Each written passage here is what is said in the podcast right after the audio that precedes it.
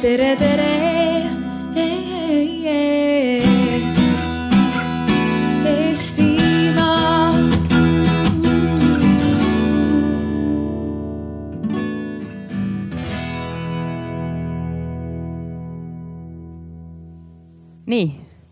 Hello, everybody.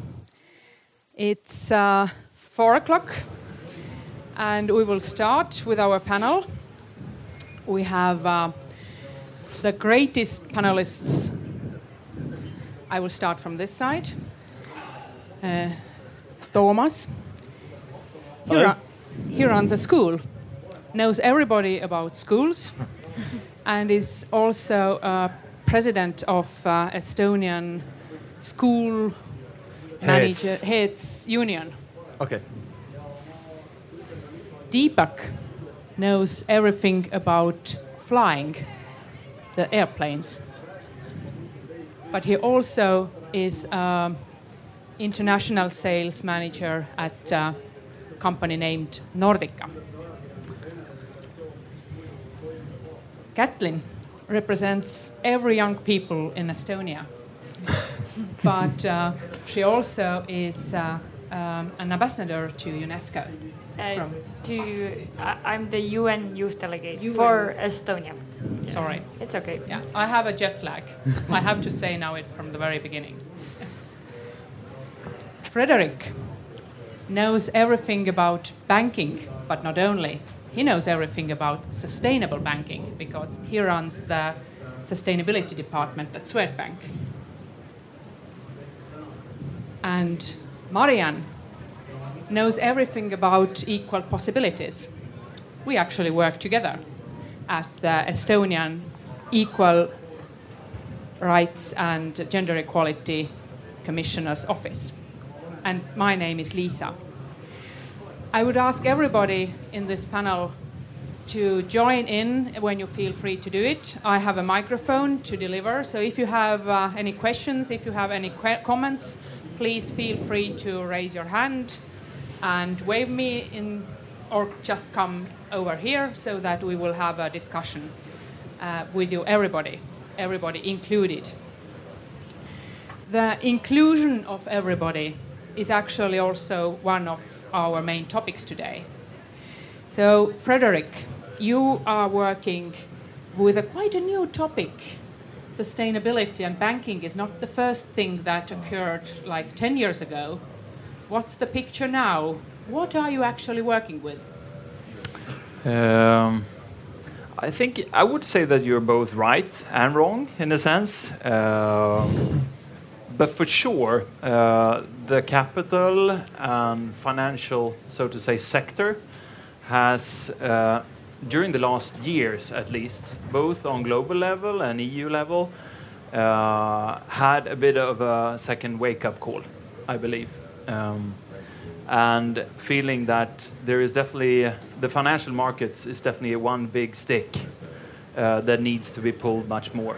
Um, and the bad, the good thing with that uh, is for sure that if you manage to pull that stick and you get capital to flow in the right directions, you can get big um, impact uh, and accelerate that change that we that we all need in a sense to uh, to have a good planet to, to live in and a good society to live in um, going forward as well. So uh, that is what I'm doing on a daily basis, making sure that uh, that the bank that I represent uh, heads in, in exactly that direction and enable our customers to make those sustainable choices to a larger extent than, than before. I will now make a politically incorrect remark. When uh, we were, had a discussion beforehand, then uh, everybody thought that Deepak is fluent in uh, English but does not know anything about Estonian language, although he is perfect in Estonian language as well. Is this something that Fredrik named is a change in the world? Probably yes. I mean, uh, especially in Baltic states, when it's uh, whenever you meet someone and you know, or if I have been already talking with someone on the phone and eventually I meet them and they go like, are you the person who are you the person? Yes then i go like yes i am that person whom you were talking on the phone. So yeah i mean uh, especially on the baltics level and the eu level is the sustainability is that's the way, the way where we should move to. Toomas, um, the schools. I know that uh, your school has quite a many uh, pupils from other countries than Estonia. Is this the change that Fredrik was talking about? Yeah, it's probably it, it is. Um, when you have people coming from different countries for whatever period of time they are going to stay here, you definitely aim to, to have the uh, sustainability in the system. And uh, we have to cope with it uh, the same way as, as already Deepak has said, uh, the change in Estonia and in the, in the whole uh, three countries in the Baltics. Kätlin, you are a young woman. We know that uh, in education the number of women is uh, much bigger than the number of men. Is this the change Fredrik was talking about? Um, I, I think not, maybe. I just think that kind of it has ended up this way that, uh, at least in our context, uh, let's say women are maybe more motivated in the higher education system and they continue it longer before actually entering to the job market. But I'm not so sure how it is connected with this, with sustainability and like with a different uh, approach to the entire job market. Mari-Ann, if we look at the statistics, then um, we have taken up some of this already. That, for example, the number of women exceeds the number of men in uh, higher education, but also in all education. What other um, tendencies you could point out that uh, might depict a change in, in Baltics and in Nordic countries that uh, affect definitely the economy? Uh, with regards to politics, we can indeed see that uh, in education there are so many more women uh, than men. However, if we then go forward and look at the job market, at first, when women enter the uh, job market, there is um, equal level of men and women working. However, when time goes by, when women get older, when women have children, there are less and less women working.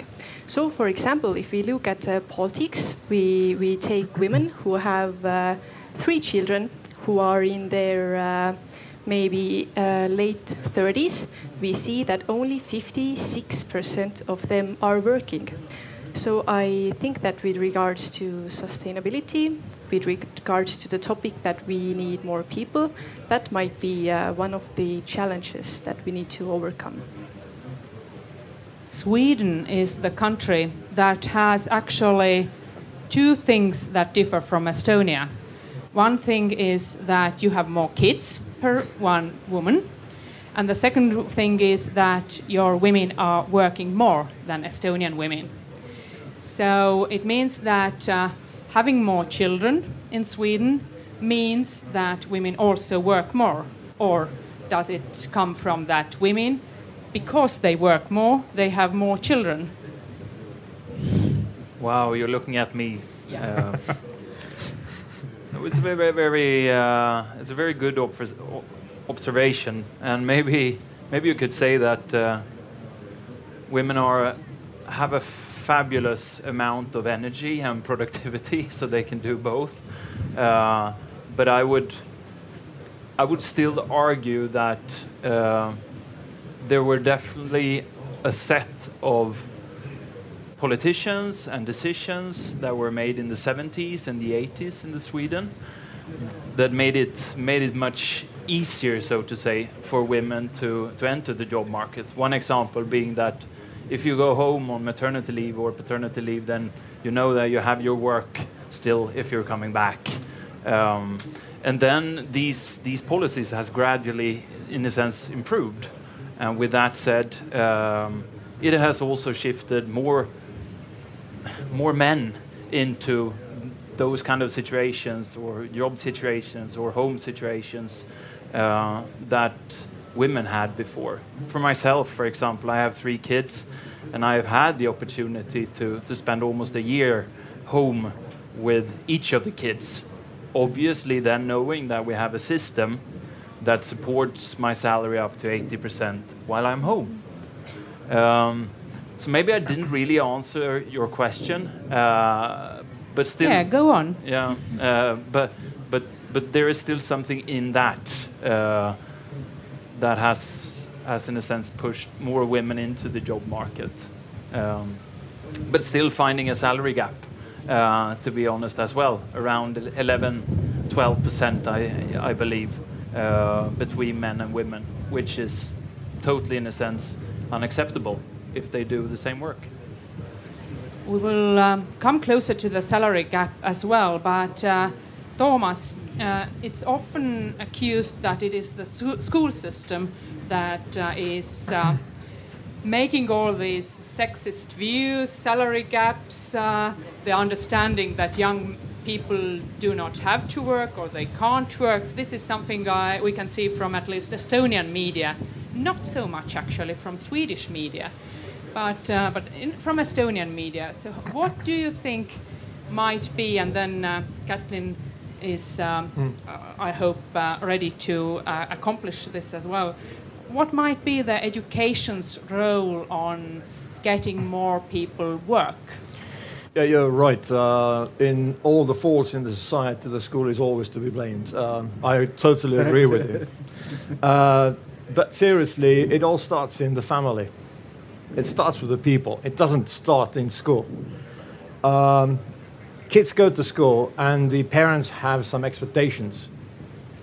Some have the expectation that the, the kids should bring only fives, excellent results, whatever uh, scale of measure they use. Some have uh, an aspiration that the uh, seven year old one should become an, uh, a, a top CEO not so much about professor, professorship, but uh, so somebody.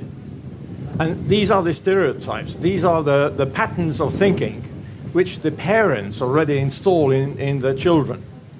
And when they come to school, they lay the same expectations to school and expect that school is going to do that.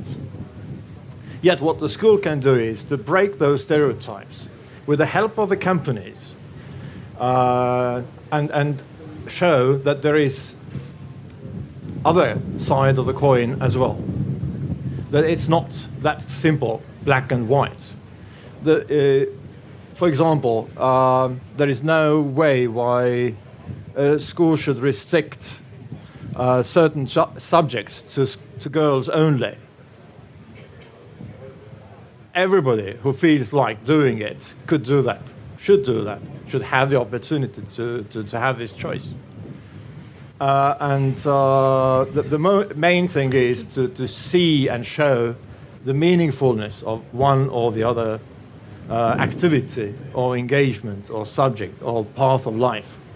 So that the, the, when, when you said that um, the majority of people who are in, in education are female, then um, maybe it's not true. Maybe boys find uh, education in another way, not in academia, mm-hmm. not in the uh, formal paths, and enter the, the labor market via different channels.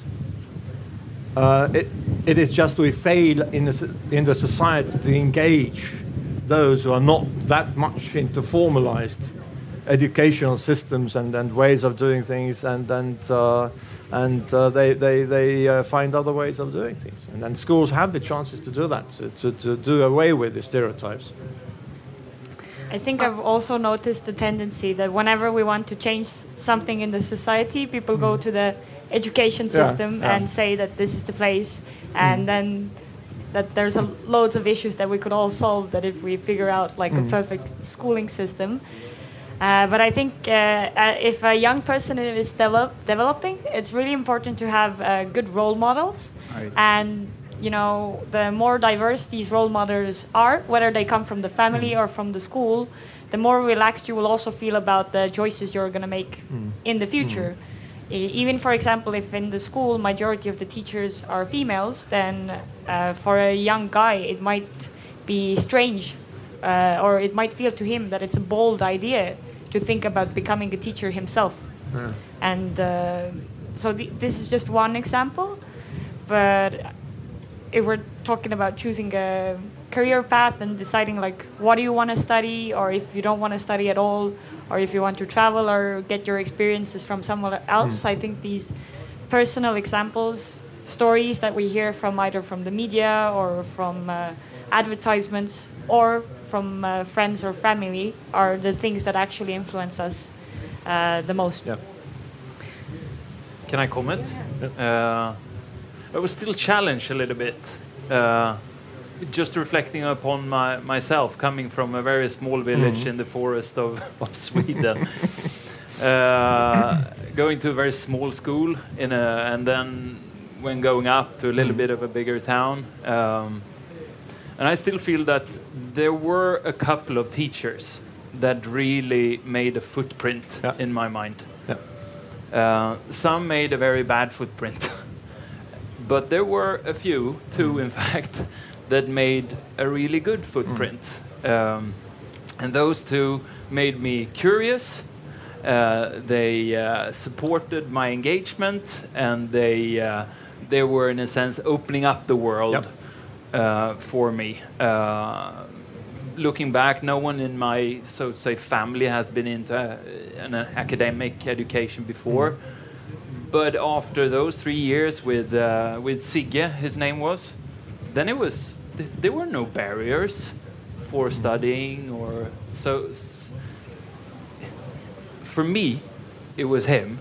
But obviously, for someone else, that individual can can come from someone else.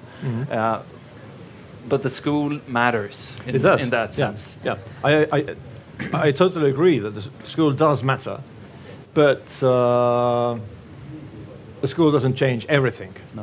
I also uh, agree with all of you that uh, school is indeed very important and matters, but I also agree with Toomas that it all starts uh, at home.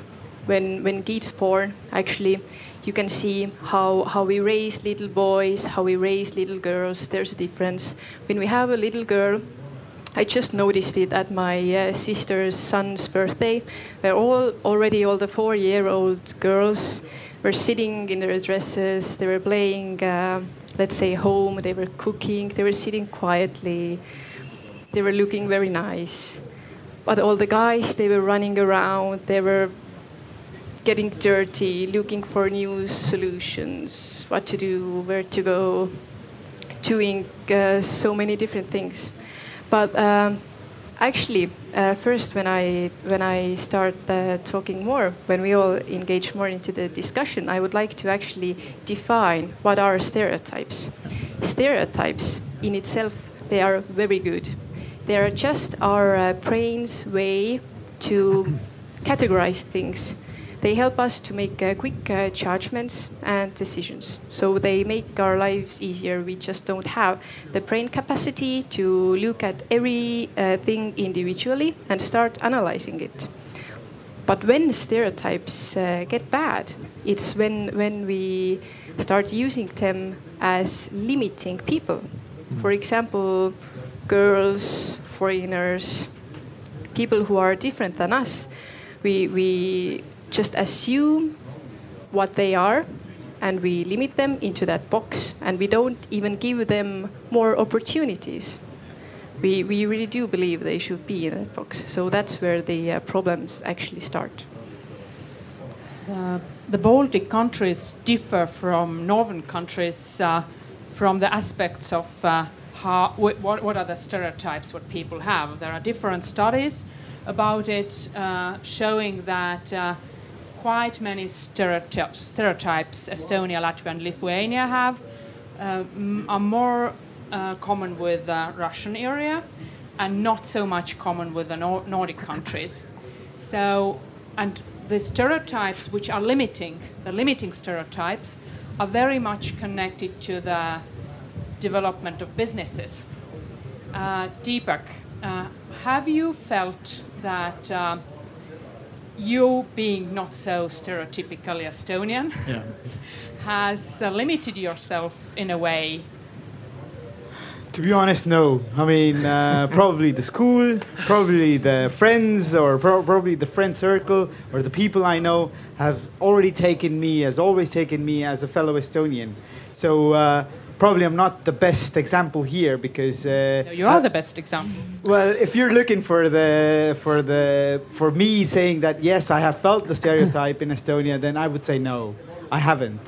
I mean, I've been working now in aviation since uh, I graduated my uh, high school. I went to work as, as a part-time check-in agent in uh, Estonian Air and uh, did my bachelor's in TTU and master's in uh, in Tallinn University. But uh, all this time, I was actually working in aviation as I. I didn't feel any limitation whatsoever, neither in studies, neither in the business uh, business way as well. So, uh, so yeah, I'm a good example in that hand. But, but I know that. Uh, but there are some limitations, especially when uh, people come from abroad to work in Estonia. I've heard that uh, there are some limitations, and but uh, yeah, I mean, I have never experienced one here in Estonia so far.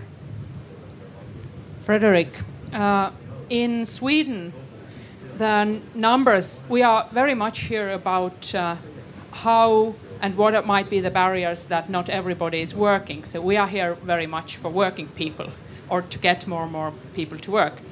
Uh, you mentioned beforehand the decisions from Swedish government already from the 70s. It's uh, 40, 50 years ago. Uh, the number of people at the labor market uh, really working in Sweden is higher than in Baltic countries, in Estonia, Latvia, and Lithuania. Could you make some examples? What are the decisions? What have you really made to get so many people to work, to be at not, not only to be waiting that somebody is offering them work, but to actually work? Uh, but coming back to public policy in a sense uh, and changes that uh, that really have uh, shaped Sweden, I think uh, one one thing being in a sense taking away that that income ba- income based insurance in a, or, or bringing that in, so there is there is definitely a, an opportunity for you to stay home from a financial perspective. Uh, that was very, very important. Knowing that you have a work when you come back, a second one. But maybe the one key thing is that we have seen investments into public uh, childcare and daycare. Uh, knowing that you can leave your kids between eight and, um, and four or five, uh, but also, so I would still say that I'm I'm very happy that politicians made that move because that made op- at least opened up for people to start seeing new paths.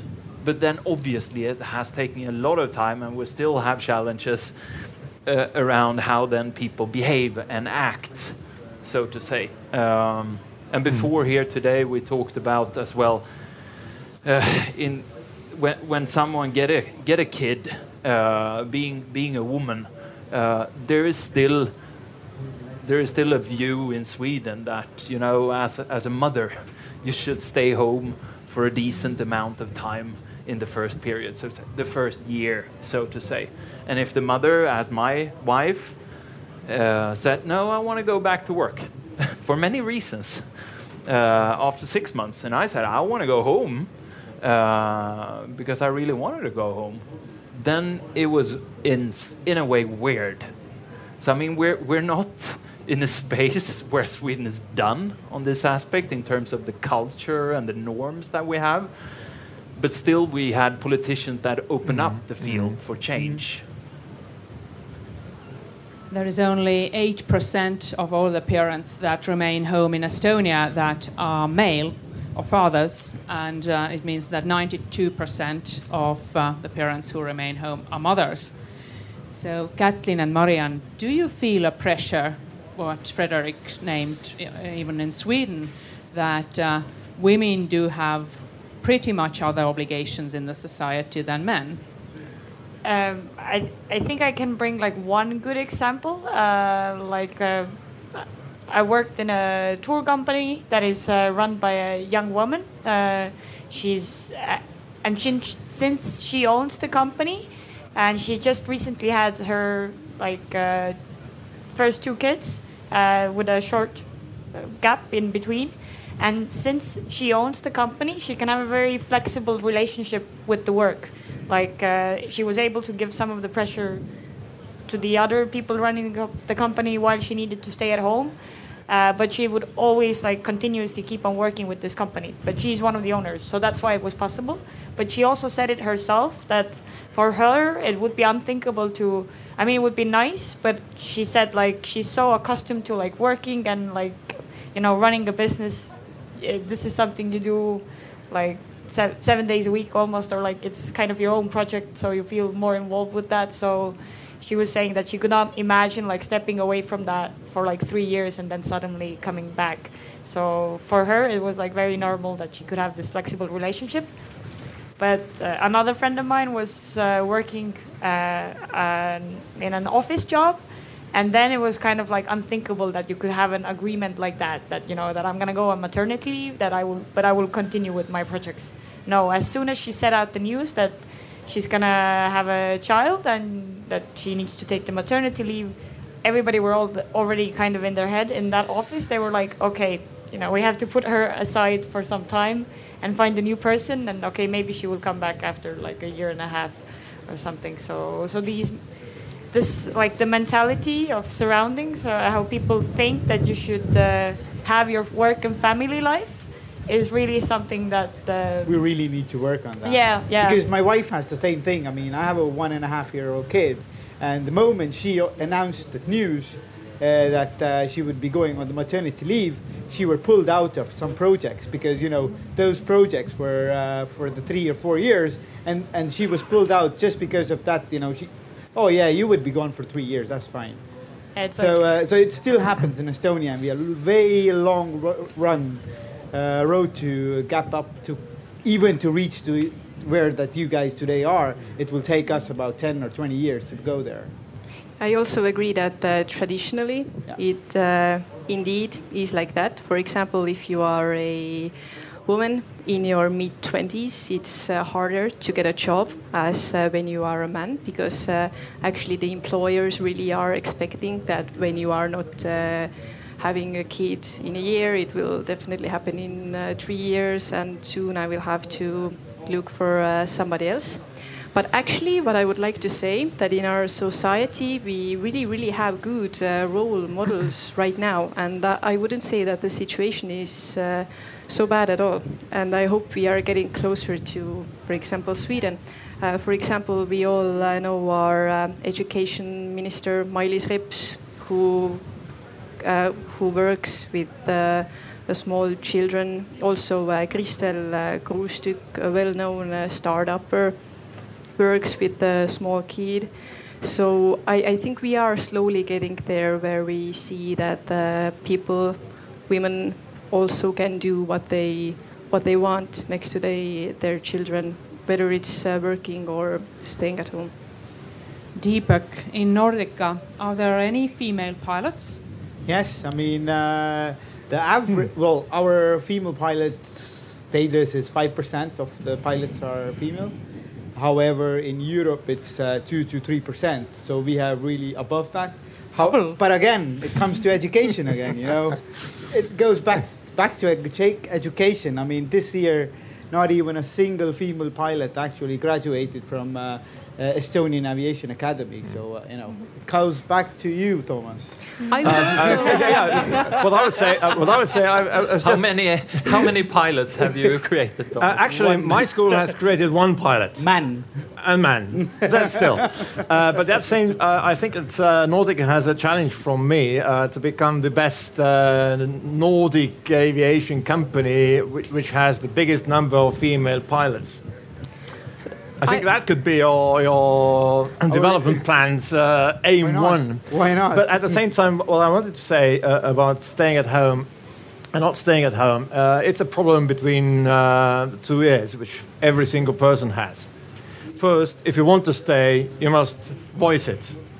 And second, if you are in the position of CEO or ownership or wherever, you must have this mentality of creating the environment where people would like to come and stay, even if they leave for a sh- short period of time. Take the maternity leave as a, a personal development plan. Yeah. Right on. People go and, go and come and go anyway. So it's nothing uh, extraordinary. I have a uh, situation. Um, last year, I had six teachers on maternity leave. I had to cope with it first of all. They all, and, and education is predominantly female field of activity in Estonia. But at the same time, I know some will return, some will not. But that's a natural phase in, in that situation, and then you have to just cope it and then make the environment uh, suitable for the people who would like you, you would like to be in your company or in your enter, enterprise and, and you would like to deal with, and then the world becomes a better place finally. We have talked now so much about mentality. Uh, every hour, um, our issue goes back to mentality. Uh, are there any concrete measures we can take to change these things? Uh, mentality will change maybe with the next generation or maybe even the generation after it. But can we do, is, is there anything we can do now, tomorrow, or, okay, on Monday? So does Swedbank, for example, in any way differ when you when you give up out big loans? Do you see if it's sustainable company or not? Are there any mentality issues you follow in any way within your bank? Can businesses change something? I definitely think that businesses can change or be a part of the change uh, and advocate and go in the front for sure. Um, I mean, if coming coming back to the gender aspect, I think what what we can do even more is that we can during that time of leave, even if you're a man or a woman, being home, taking care of your kids. Uh, during that time, leaders within within Swedbank can be active, uh, not as active so so it gets disturbing, but still involve and have that individual involved on the level that individual wants to be involved during the time. Uh, and to keep the dialogue going and making sure that that individual knows what they come back to. And when they come back, there also needs more attention to, to get into work faster. Um, and I think uh, that is something that we can do even better than we do today. Uh, and all of those measures that leaders can take on a daily basis changes things because then suddenly people feel that there are people caring for me even when I'm home and people who care when I'm back. So I think uh, there are big changes needed, but but but within within every organization, people can can can make a change on in their own behavior on a daily basis. With those five, for example, that left you during mm. that. Um, that is one thing. And to comment on your how how we see lending or how we communicate with customers and on sustainability in itself. I mean, in the end of the day, it's it's it's also very relevant for us to make sure that a company develops develop a sustainable business. Why? because it will lower our risk. We lend money to that company. How? How it lowers your risk? Yeah, but let's say uh, if we lend money to a transport company, and that transport company have uh, trucks, so to say. Let's say they have 10 trucks. And the management of that company, they, they don't care about carbon at all. They at all. And who knows what kind of policies that will come in one, two, or three years in terms of carbon and on fossil fuel. And suddenly their, their whole business can go out of business if they don't understand that their trucks might need a certain engine tomorrow to be able to enter the harbor out here. So, with that said, sustainable business practices, uh, if it touches carbon or if it mm. touches employees or if it touches anything really, ca can decrease the risk of the bank in a sense. Because we want to have customers that have thriving business and have the ability to pay the money back. Um, so there's a lot of reasons. This was very practical. Uh, some days ago, Nordica announced that uh, you are eager to take more people to work, um, but there are some limits. Well, yeah, I mean, uh, today we have already uh, 20, we have people from 27 different citizen or nationality working for Nordic already. We have uh, more than 100 uh, Danish people working for us and so on. We have uh, bases in uh, all over Europe, actually. We have nine different bases.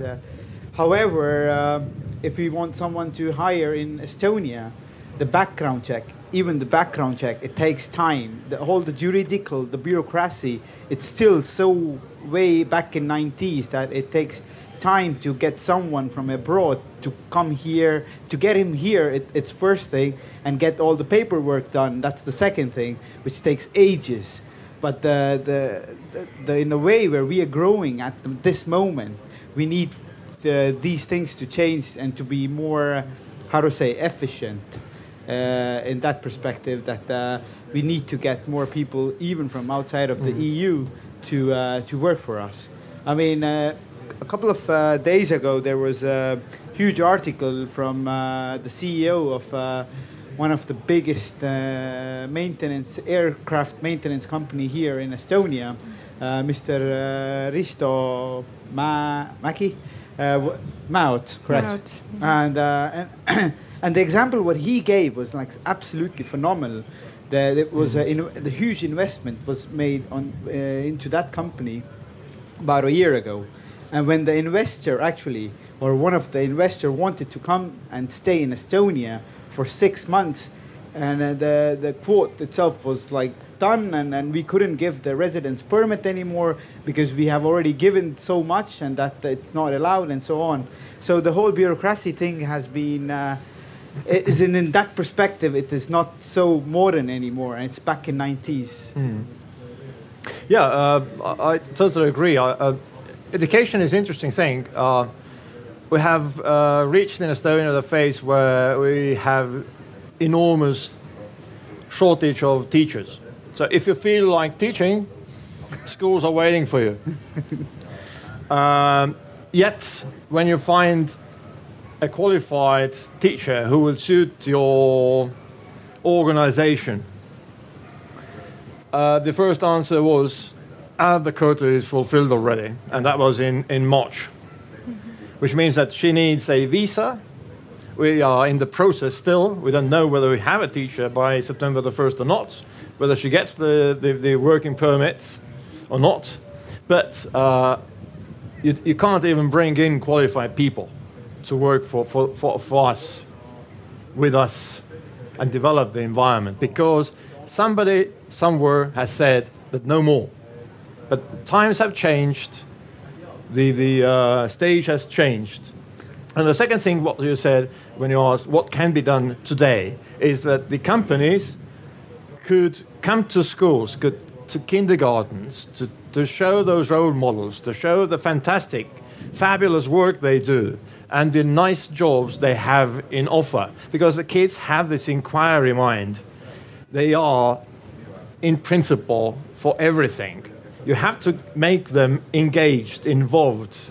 And once you get their mind, they will come to aviation, they will come to banking. I know uh, Swedbank in, in Estonia has, has done the, the uh, pro- program around 200 uh, teaching hours or so, which worked both ways.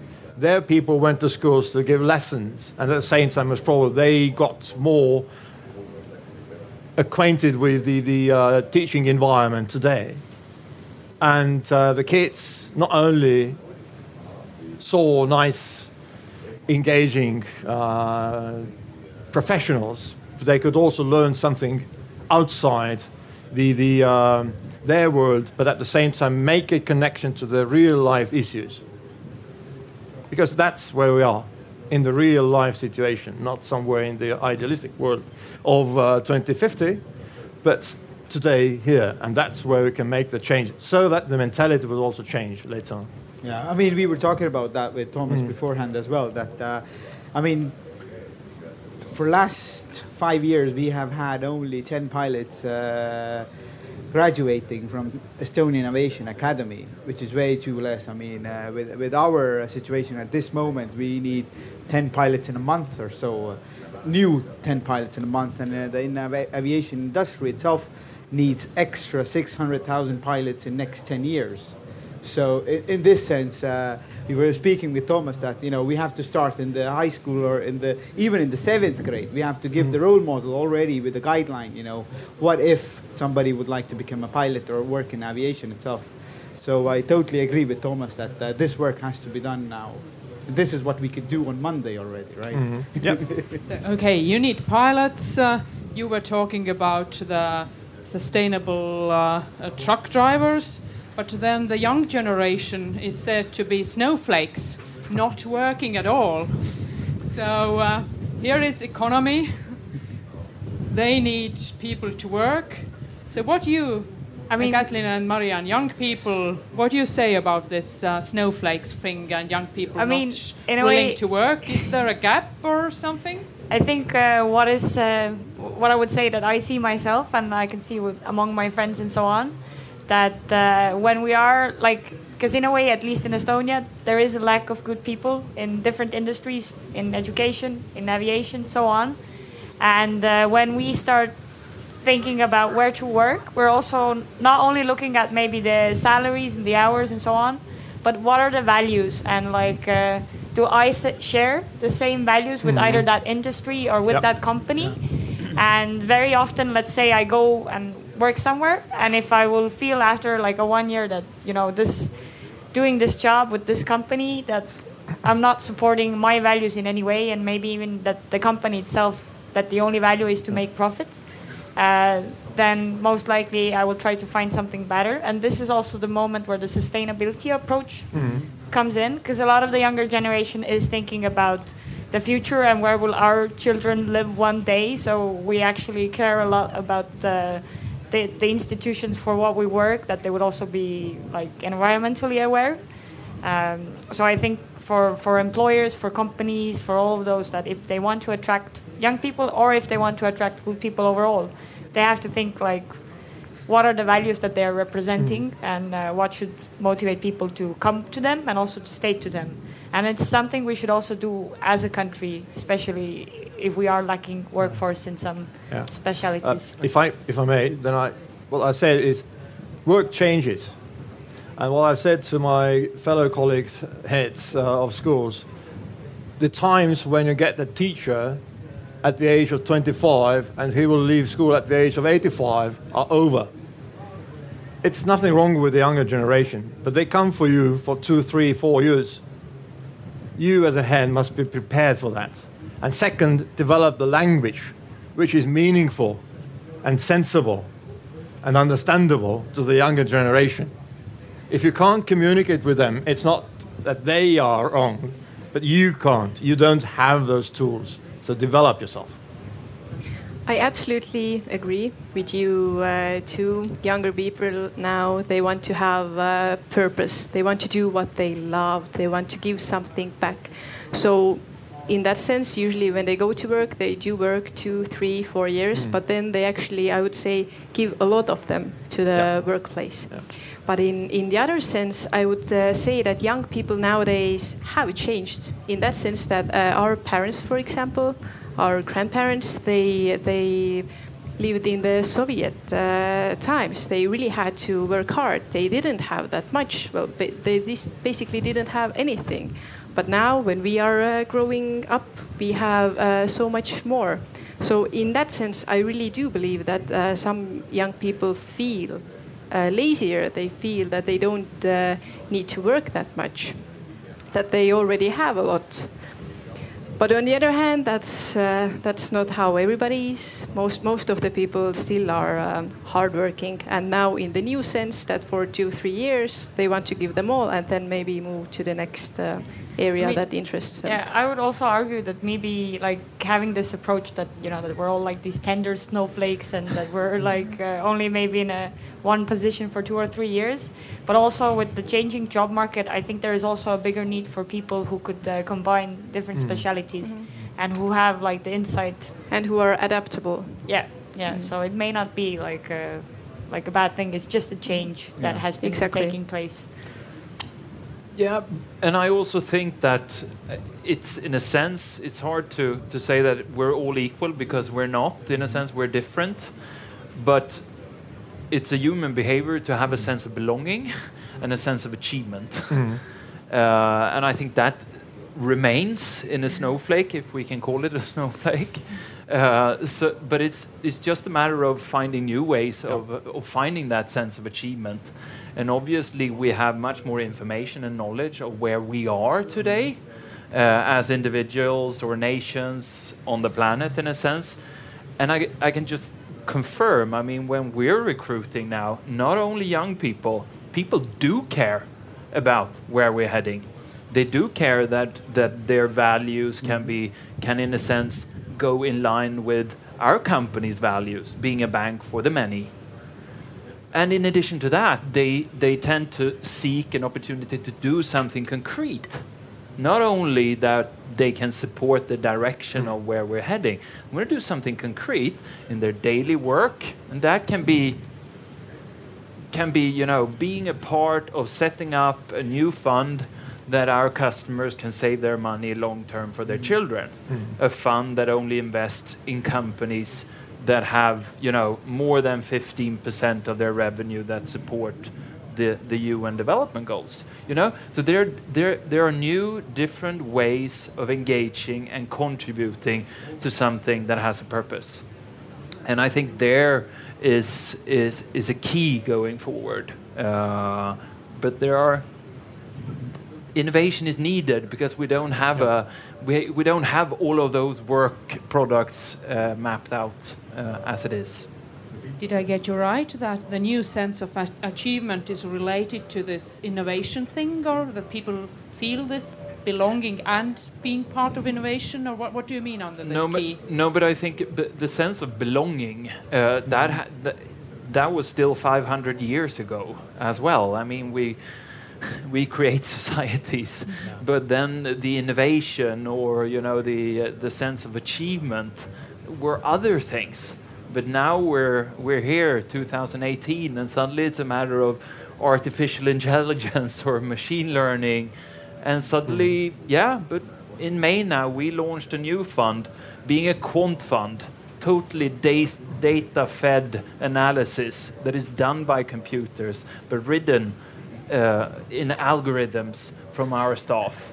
And suddenly there's a new way of channeling money, your sa- my saving money into sustainable projects.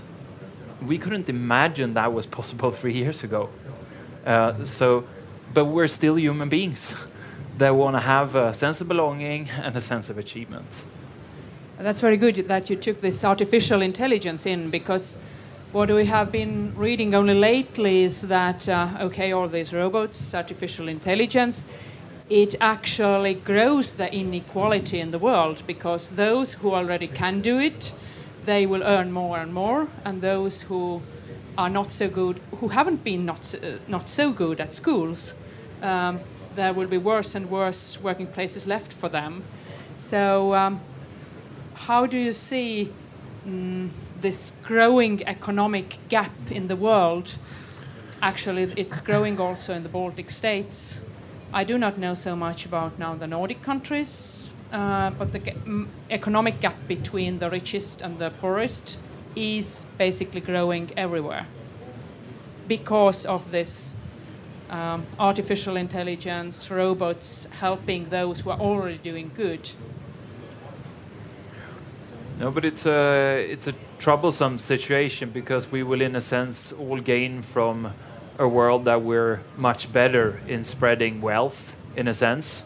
Uh, I don't remember the name of the uh, professor now, but in the panel before us here, there was a gentleman sitting somewhere here. I don't remember his name either, but he he referred to a report came that came out that said that for every, so to say, digital job that is being created now, five other jobs are being created around it, and the majority of those five jobs are, so to say, more low-key jobs. Uh, I haven't read it myself, but it was an interesting point as I saw it. I don't know if, if any one of you have, have Uh, seen similar. I mean, I've, I've heard it as well when it was being said. But Uh, but it's I, I, I can only agree. It, it, it it's an issue uh, when when the, skill set, in a sense, uh, divides people. Um, I mean, it's uh, complicated because it's there's different ways to look at it. Because we can look at it as just in the scale of one country, and then actually it might feel that the reasons for these big gaps, like the inequality, that there are many. Uh, maybe the social supports for the groups in society who cannot work, maybe, or overall like creating work environments where like the more diverse people could work as well, like. Uh, these might be our issues in general, but if we're talking globally, like the inequality bec between richer countries and poorer countries, then which is also like getting bigger, then this is even more complicated to like solve and like to either see the connection between that and artificial intelligence. Uh, I'm not sure how to do that. Uh, Deepak, uh, did I remember right that you said something like uh, 600,000 pilots is needed globally? Yeah, exactly. I It's mean, much more in than- addition to what we have today. Okay. That, uh, in These are very high skilled people, isn't it? Indeed, indeed. well paid. well, well, well paid indeed. Yes. how many of uh, how many during those ten years? How many will retire in the current? I'm talking about if everything goes right now as it is, if we don't change anything, in addition to that, we need 600,000 more pilots. If you see where the aviation sector is growing at this moment, and if you look at uh, how many Boeings have been ordered or how many Airbuses have been ordered, we have to change something in our in our education or in our academic world because more pilots are needed uh, in, Oh. in future. I mean, I know I'm getting back No, no, no, every no, time no, I'm getting no, no. back to you, no, no, but, no, no. Uh, but that that's actually the truth. I mean, that's actually where our uh, the whole aviation industry is moving there. I mean, we haven't we have seen only three percent of Chinese people flying right now. Imagine when 50 of them would be Uh. flying, how many aircraft we will be having there.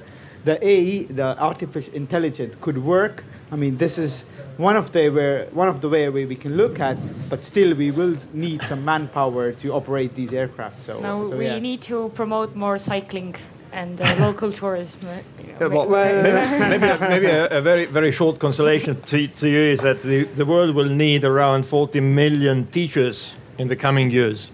40 million. In And I- addition, in addition to, In to- in addition. And it means I am just looking forward to the year when the first 10 Estonian teachers will leave Estonia. If we can't create the environment which would keep them in Estonia, we have 1.3 million people, and the only asset we have is our education and our teaching and learning.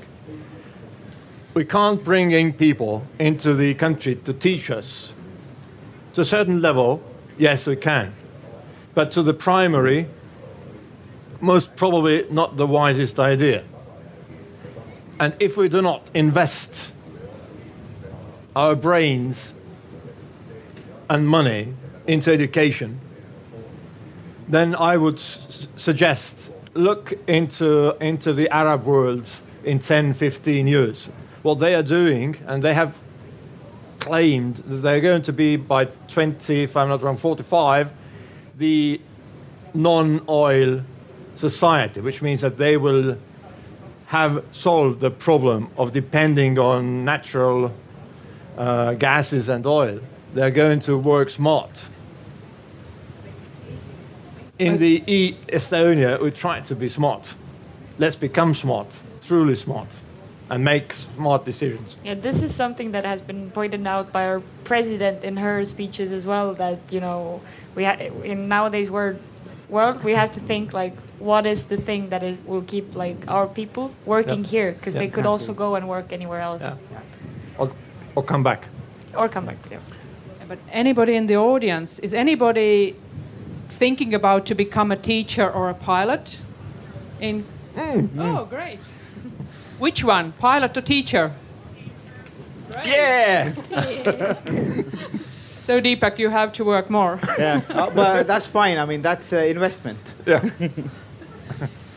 But I think uh, an, an interesting question then is what all of those teachers that we need, what, they, what will they teach people uh, in a world where, where knowledge, in a sense, is in our pocket?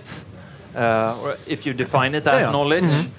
Um, and at, at least what we, what we feel, and I'm interested to hear your perspective there now, but we try to look for people that are really strong in collaborating and you know coming in with a very sharp so to say knowledge but have the ability to listen to someone else Yep. that has another perspective and suddenly when you have people in the room around a challenge that comes in with different perspective their magic happens Yep. uh, but if they don't have the haven't been trained in collaborating, in listening, in in being in a sense logic, then then it's really hard.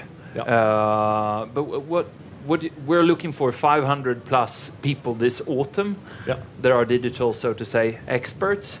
What is your view on on skills Yeah. to succeed in a sense? Actually, actually, you you hit the uh, head on nail. Uh, it was a couple of couple of weeks ago when the uh, French president uh, announced that uh, uh, smartphones will be banned in France, and that's the wrong direction, I say. We have to teach At the, the skills schools, At the schools, in school. you- At schools, yeah. alright, okay. We have to. Yeah, we sorry. like, wow. that's That, that's already where I, I live. I, I live in the environmental school, uh, although the school will begin. Uh, That's your old world, yeah, right? oh, yeah, yeah. Deepak, ne- next month he will forbid airplanes. But In France, huh? Yeah, in France. But instead, what should do, at home, in school, everywhere, teach how to cope in the technology-rich world. That's where the brains are needed to be able to do the things you just described. That's where you need to have the intellectual level present to teach the social skills, to teach the uh, collaborative skills, to teach the uh, emotional uh, intelligence, to be in the mind so that you are crisp ready for, for work in whatever context you are, using those inf- bits of information the, the societies have created for uh, uh, solving this or that problem. So that's where the teachers are needed for, not because of where this or that theory comes from or how they do the things. So that's the, the, the explanation and, the skills you'll need in real life situation with, with in collaboration with the intelligence, uh, uh, artificial intelligence, for example. Uh, Deepak, I have a huge fear for uh, flying, and uh, I don't know how to cope it. You don't have to teach me it, that for me now. But my question is: Is it uh, only the uh, emotional intelligence that the pilots should have, or is there something else that the education system might add to get good pilots that fly securely? So, what, what is the business's view for education in the era of artificial intelligence and everything? What are the both the values and what are the capabilities of young people that businesses are looking for? And the same question actually to Fredrik. You were naming the values, but what, what please be more exact. So I mean, uh, coming back to aviation park or, being being a pilot, it's, uh, one thing is what you learn in, in the school or, or in the university or in the academy, and the second thing is you really want to do that. The, the emotional part, being being the pilot and uh, being able to fly the aircraft and being able to. Uh, to operate the aircraft is, is a different uh, feeling. It is kind of uh, like you said, you want to give something back to the society this is this is the part where, where we actually looking into it uh, being that not even not just having that degree but being wanting to be a part of the airline aviation industry wanting to uh, you know give back something to the uh, to the society itself being a part of the national airline for example uh, and, and the, the emotional thing or the emotional support what you get back from your company that's actually what is uh, needed uh, just the, the being part, you know, all these snowflakes uh, generation and so on, you know, they're not going to just become a pilot. They, they're going to the academy to being a part of the aviation industry and so on.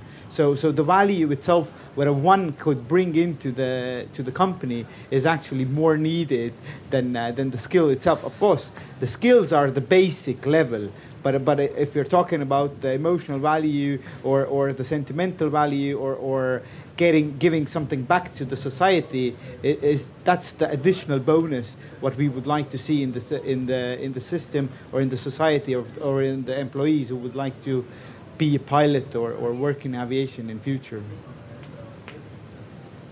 um, I agree uh, but in addition to that uh, we believe that it's very important to have people leaders uh, that are very to tolerant -huh uh, yeah, that approach sure. uh, appro uh, appreciate uh, diversity mm -hmm. because Why? that that innovation that will be needed tomorrow mm -hmm. will never come mm -hmm. out of a group of people that think alike um, and then you need to be very tolerant as as a leader and you need to be a good listener and have the abilities to to uh, to in a sense collaborate uh, but the third thing I would say is that development is so rapid now.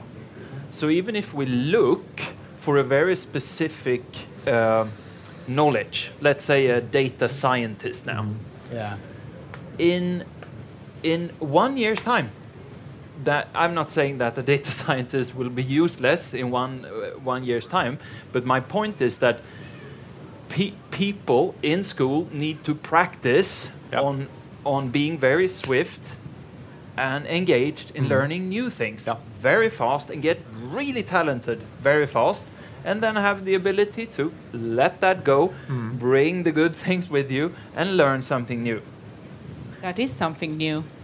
Yeah, so the agility of that's of, of finding new deep things, areas of knowledge. Uh, coming back to you, yeah. being a teacher between 25 to 85 is not an option. Yeah. Uh, working in a bank for for 50 years with the same thing it's not an option is not is not working either mm. you will change over time so that's the thing what's the most important is adaptability and that the knowledge base we have the uh, education that we have is very broad so that we can do exactly mm. what you were talking about but when we now uh, talk about the young people when we talk about the pilots what is important is that people who actually are interested would not be afraid to do that uh, choice. For example, when we when we talk about women, when we talk about foreigners, so that they would feel that they are expected and that it's okay that they need to learn and maybe change what you're doing so, so that would be an important aspect as well. But they, they I totally agree with uh, Fredrik as well because uh, I mean adapting to the new things. Mm-hmm. That's the, probably the biggest uh, key or, or the magic word what we're looking uh, looking at this time. It's because you know if you're an engineer and you have been i don't know you have been you have did your masters in, in mechanical engineering. You could you know easily switch to an aircraft engineering as well. Just go and learn the new thing you know. Just move forward with the where, wherever the wherever your path leads to. So adapting is definitely a key. I totally agree here. I see a huge conflict here. You were naming beforehand that there are so rigid limits limits to taking to work people you want to take to work. And now we are talking about adaptivity, tolerance, uh, openness, new things go well, so quickly. Let me give you a good example. Let's say the teacher, right? I mean, uh, for example, I have been a teacher. Let's suppose that I have been a teacher for four years already, and now I have had enough of it. You know, but I can be same time a good leader in any any other company because I've learned how to uh, tolerate. I've learned how to listen, and these these are the skills what I can take as a teacher instead of uh, and same time go and become a leader in other company and lead a project and so on because I take the good skills what I've learned from the last four years and you know and take it to somewhere else. So this is the kind of adaptivity what we were talking about that before. Uh, yeah, if, if, if I may add, um, when I'm talking about education, then um, in education, what needs to be changed is the, the role of a teacher, or the, the way we perceive the role of a teacher. Uh, the teacher's role today is, is, is, is, the same basically as, as any CEO's role. They do the same things, they perform the same activities, but teachers themselves don't see themselves as leaders. They don't see themselves as managers. They don't see themselves as company heads or even project leaders. But if you come to the essence of, of learning and teaching, it's nothing but the real life situation today in every company. So we have to dis- redescribe or unlearn from what we know today and relearn uh, uh, uh, uh, new things and new ways of doing things and, and, and interpreting and seeing it in a different way.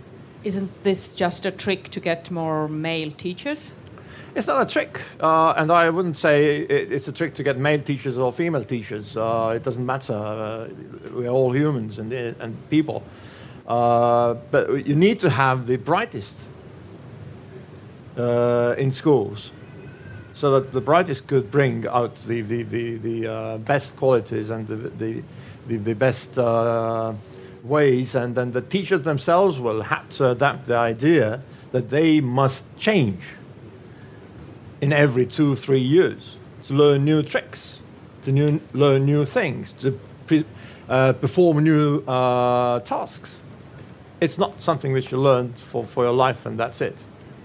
Fredrik, it's not only teachers, no, I believe, based upon this kind of road that we're talking about right now, where the educational system might have a slightly different role to play in a very fast moving uh, environment, then I also think that corporates or organizations mm. employing people or uh, entrepreneurs need to take maybe a larger responsibility in educating people mm. or employees deep into the subject area.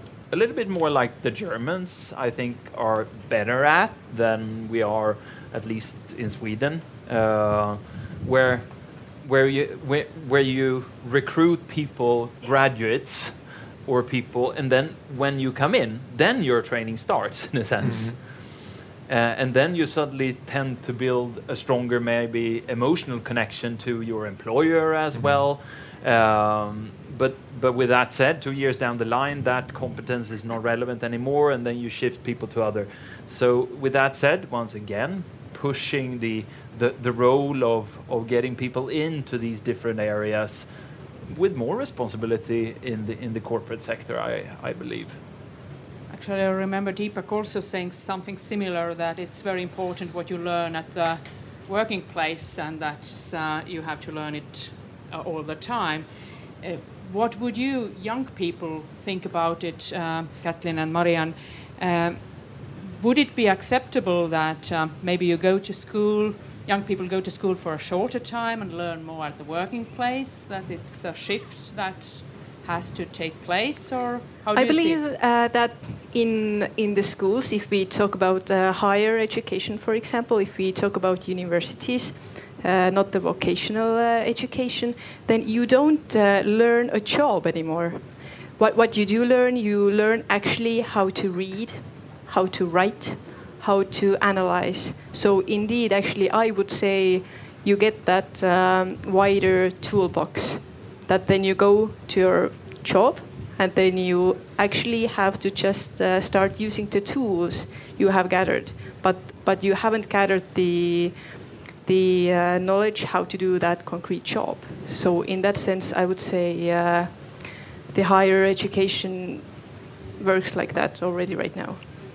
I think like my own experience is that first of all I was uh, like already during school time I was like a young activist like organizing events and active in different organizations and that and so on and that experience showed me like uh, already during school time what are my good competences, uh, like. Uh, and for me, it was that I'm a better people's person. I'm a better communicator, and working with people is a lot more motivating for me than to sit somewhere alone and like really work on something.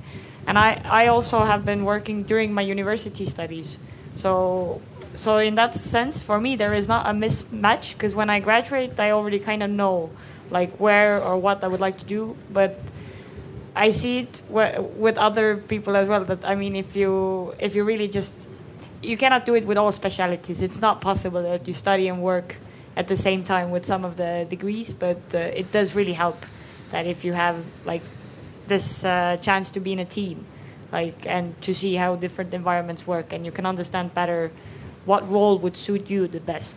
And yeah, I think this was most probably the best thing um, in this panel uh, yet because uh, I definitely believe that the the school environment and the combination with the work environment and everything, what it needs to do, just as you say, is to create those platforms mm. where mm. you can find out how to be the best version of yourself.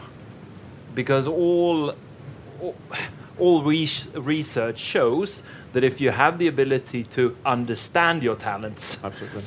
And apply your talents, into areas where you can be a lot speaking and working with people, as you said, then you get more motivated, you get more engaged, and believe it or not, you perform better. Mm.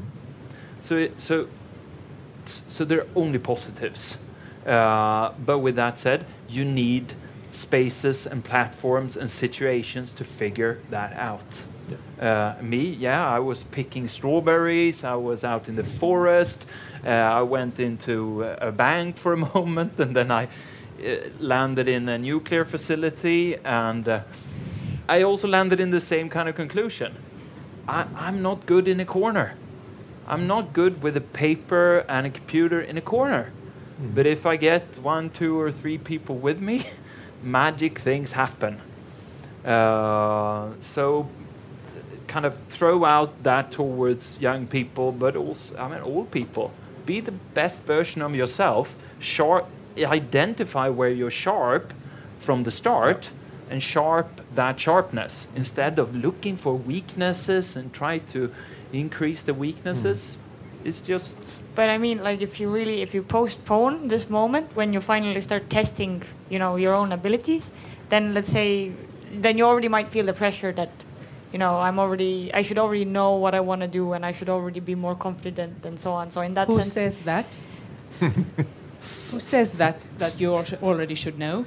I, I think like uh, this you know everybody feels a bit not maybe everybody but at least some people might feel the pressure to be like successful or like to have like a, uh, to get a good job you know all those things.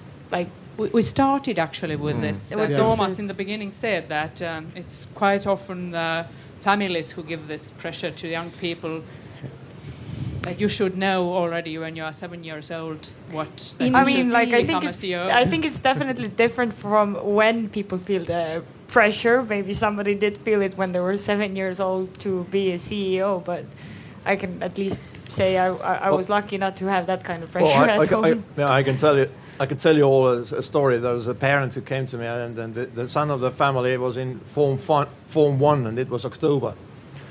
And they said that, well, this education you are giving is no good because they are aiming at going to Harvard. I said, well, uh, that is too early in Form 1 at the age of seven, uh, being in school for the second month. Uh, maybe we can take it step by step. but, well, that was their decision. Well, I would also say that, uh, as I already mentioned, our parents, our grandparents, they had less, they had to work more. But now, when we are here, you know, we already have our uh, basic uh, needs uh, met.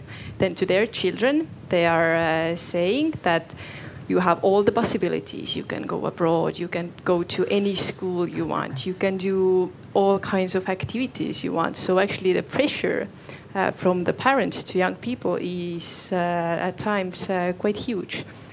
so you, you already have the mentality that uh, you have all the opportunities. So indeed, you should be a superstar. You should be the president of the world. You know, you are expected so much of. agree. I mean, uh, they would be like, look what we did with limited possibilities, and now you have the, all the possibilities in the world. Yeah. Yeah. I can, I can bring a cute example of the cha- differences between the generations. Like I've done, I've done some volunteering abroad, and I also did an exchange semester abroad with Erasmus. And both of the times when I would tell my grandma that I'm like gonna go there, and then I'm gonna do one semester abroad, then she would be like, "Okay, but like are they paying you for that? Like are, like uh, when are you getting like uh, it, uh, could you get a job or something you know? Because because you know for her it was a bit like you know the concept of having these possibilities that uh, you can go and study somewhere else or you can uh, do volunteer work abroad with a scholarship. Like she was like okay it's nice but you should already like have a good job because back then the times were different you know nowadays like these things will also help you in your career We think it's cool. We want to do that, but they think it's horrible. How can you do that? Yeah, like We why is it necessary? They don't pay you. Why you do that? That's interesting because now I feel myself a little bit like a grandmother's position.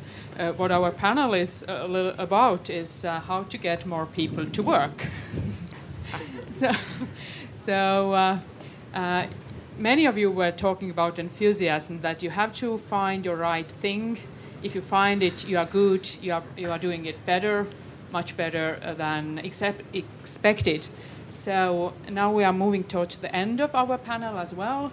So again, coming to this Monday thing, uh, what do you think if each of you says something, what can be done on Monday that each young people finds his or her way where he or she is the number one talented, uh, going according to the wishes, um, so that we will have more people working, not being home with the kids, not being um, just traveling, or maybe being traveling to find what they are interested in. I would not start on um, Monday. I would already start uh, with today. And what I think is very, very important is uh, just acknowledging these things, talking about it. So that maybe here are some 40 people who would already think about those topics, maybe discuss it with their friends. So, so that what would be one of the things, just thinking about it, discussing it. I mean, yeah, I would emphasize not like we you started the question with young people, but actually it's about like that we want more people to work, like mothers with kids to work, and like also maybe older people, if, in case if they want to, and uh, Absolutely. maybe people with uh, disabilities could also there would be, there could be more inclusion overall in the workplaces. Uh, but yeah, it's to think of something what we could do on Monday. Uh, maybe first look at yourself, look at the, your friends and family around you. Think of the place where you work, and think if it's open to having different kind of people in that environment or not. Yeah, guys. Well, in addition to the ladies, what I would do is I would also, uh, as I told Toomas before as well, that uh, I'm really keen in to invest in, in our younger generation, uh, give them the role models, uh, tell them about the real life uh, in the business sector and so on. Because uh, uh, back in the when I was getting ready for this panel, I was thinking like back in uh, when I was in seventh grade or eighth grade, nobody told me what the real life looked like. You know, I was I just moved to Estonia. My uh, head of the head of masters, uh, Mr. Uh, Miss Tomingas, was teaching me for one year, one academic year, the Estonian language, and you know I had the pressure of learning Estonian, getting good grades, and so on nobody was telling me what like i wasn't thinking about what, whom i wanted to be. I had this huge idea of becoming a pilot being a part of aviation but there were no guidelines. So that that part i was missing when i was uh, you know in seventh or eighth grade or even back in uh, back in high school. So uh, i would do that. I would invest more time in our uh, new generation tell them about the you know what swedbank is already doing but i would do it from the aviation part and uh, and tell them more about uh, about the- aviation, glamorous aviation life. You know. Yeah. Um, to all the parents or parents to be, I'd say something which I tell every sep- September uh, to all the parents of a school. Trust your kids, listen to your kids, and let them do things the way they would like to do, or at least discuss. And let, let them make their mistakes. Uh, as to the adults, um, think whether you are really truly happy in what you are doing. And if not, get a bicycle, get a car, or sell it, and start something totally new. Quit and start something which makes you happy. Then I get more people to work, then I get more experiences, then I get more tolerance, and, uh, and hopefully more sustainability into the society. When you are doing things you believe in, you enjoy, and what make you, you happy. It was so good, so I don't need uh, to, to add anything. But uh, I would say one thing for on the theme of understanding yourself. I think uh, Monday morning, or maybe this afternoon, take a good friend or a colleague or uh, a parent or a, or a sister or a brother and ask uh, what do I do when I'm brilliant? Mhm. And then shut up and wait for the answer. Mhm. And then write that down, ask another one. What do I do when I'm brilliant? And in the end, you will have a list of things that you're re- where you're really sharp, and then build from that. Okay, if um, mark for a good panel is that it turned out totally otherwise than I thought. I thought we will have a economic-based uh, numbers, uh, full of numbers panel, but it turned out to be a philosophical, um, big view. So, but I, I think you all made the point very um, inspiring to start from right now away. And um, it's so many changes that we are looking for that should happen outside, that we, we should, as a country like in Estonia, we should have a possibility to get more people working like pilots or in other places where we need people to be working. But also, there is a lot of to do uh, with ourselves, with our thinking, uh, how we accept ourselves, our families, um, our kids, and everybody around us. So great. Thank you so much. And um, I hope really that from Monday um, the world is again a little bit better. Thank you. Thank Thank you. you. Thank you.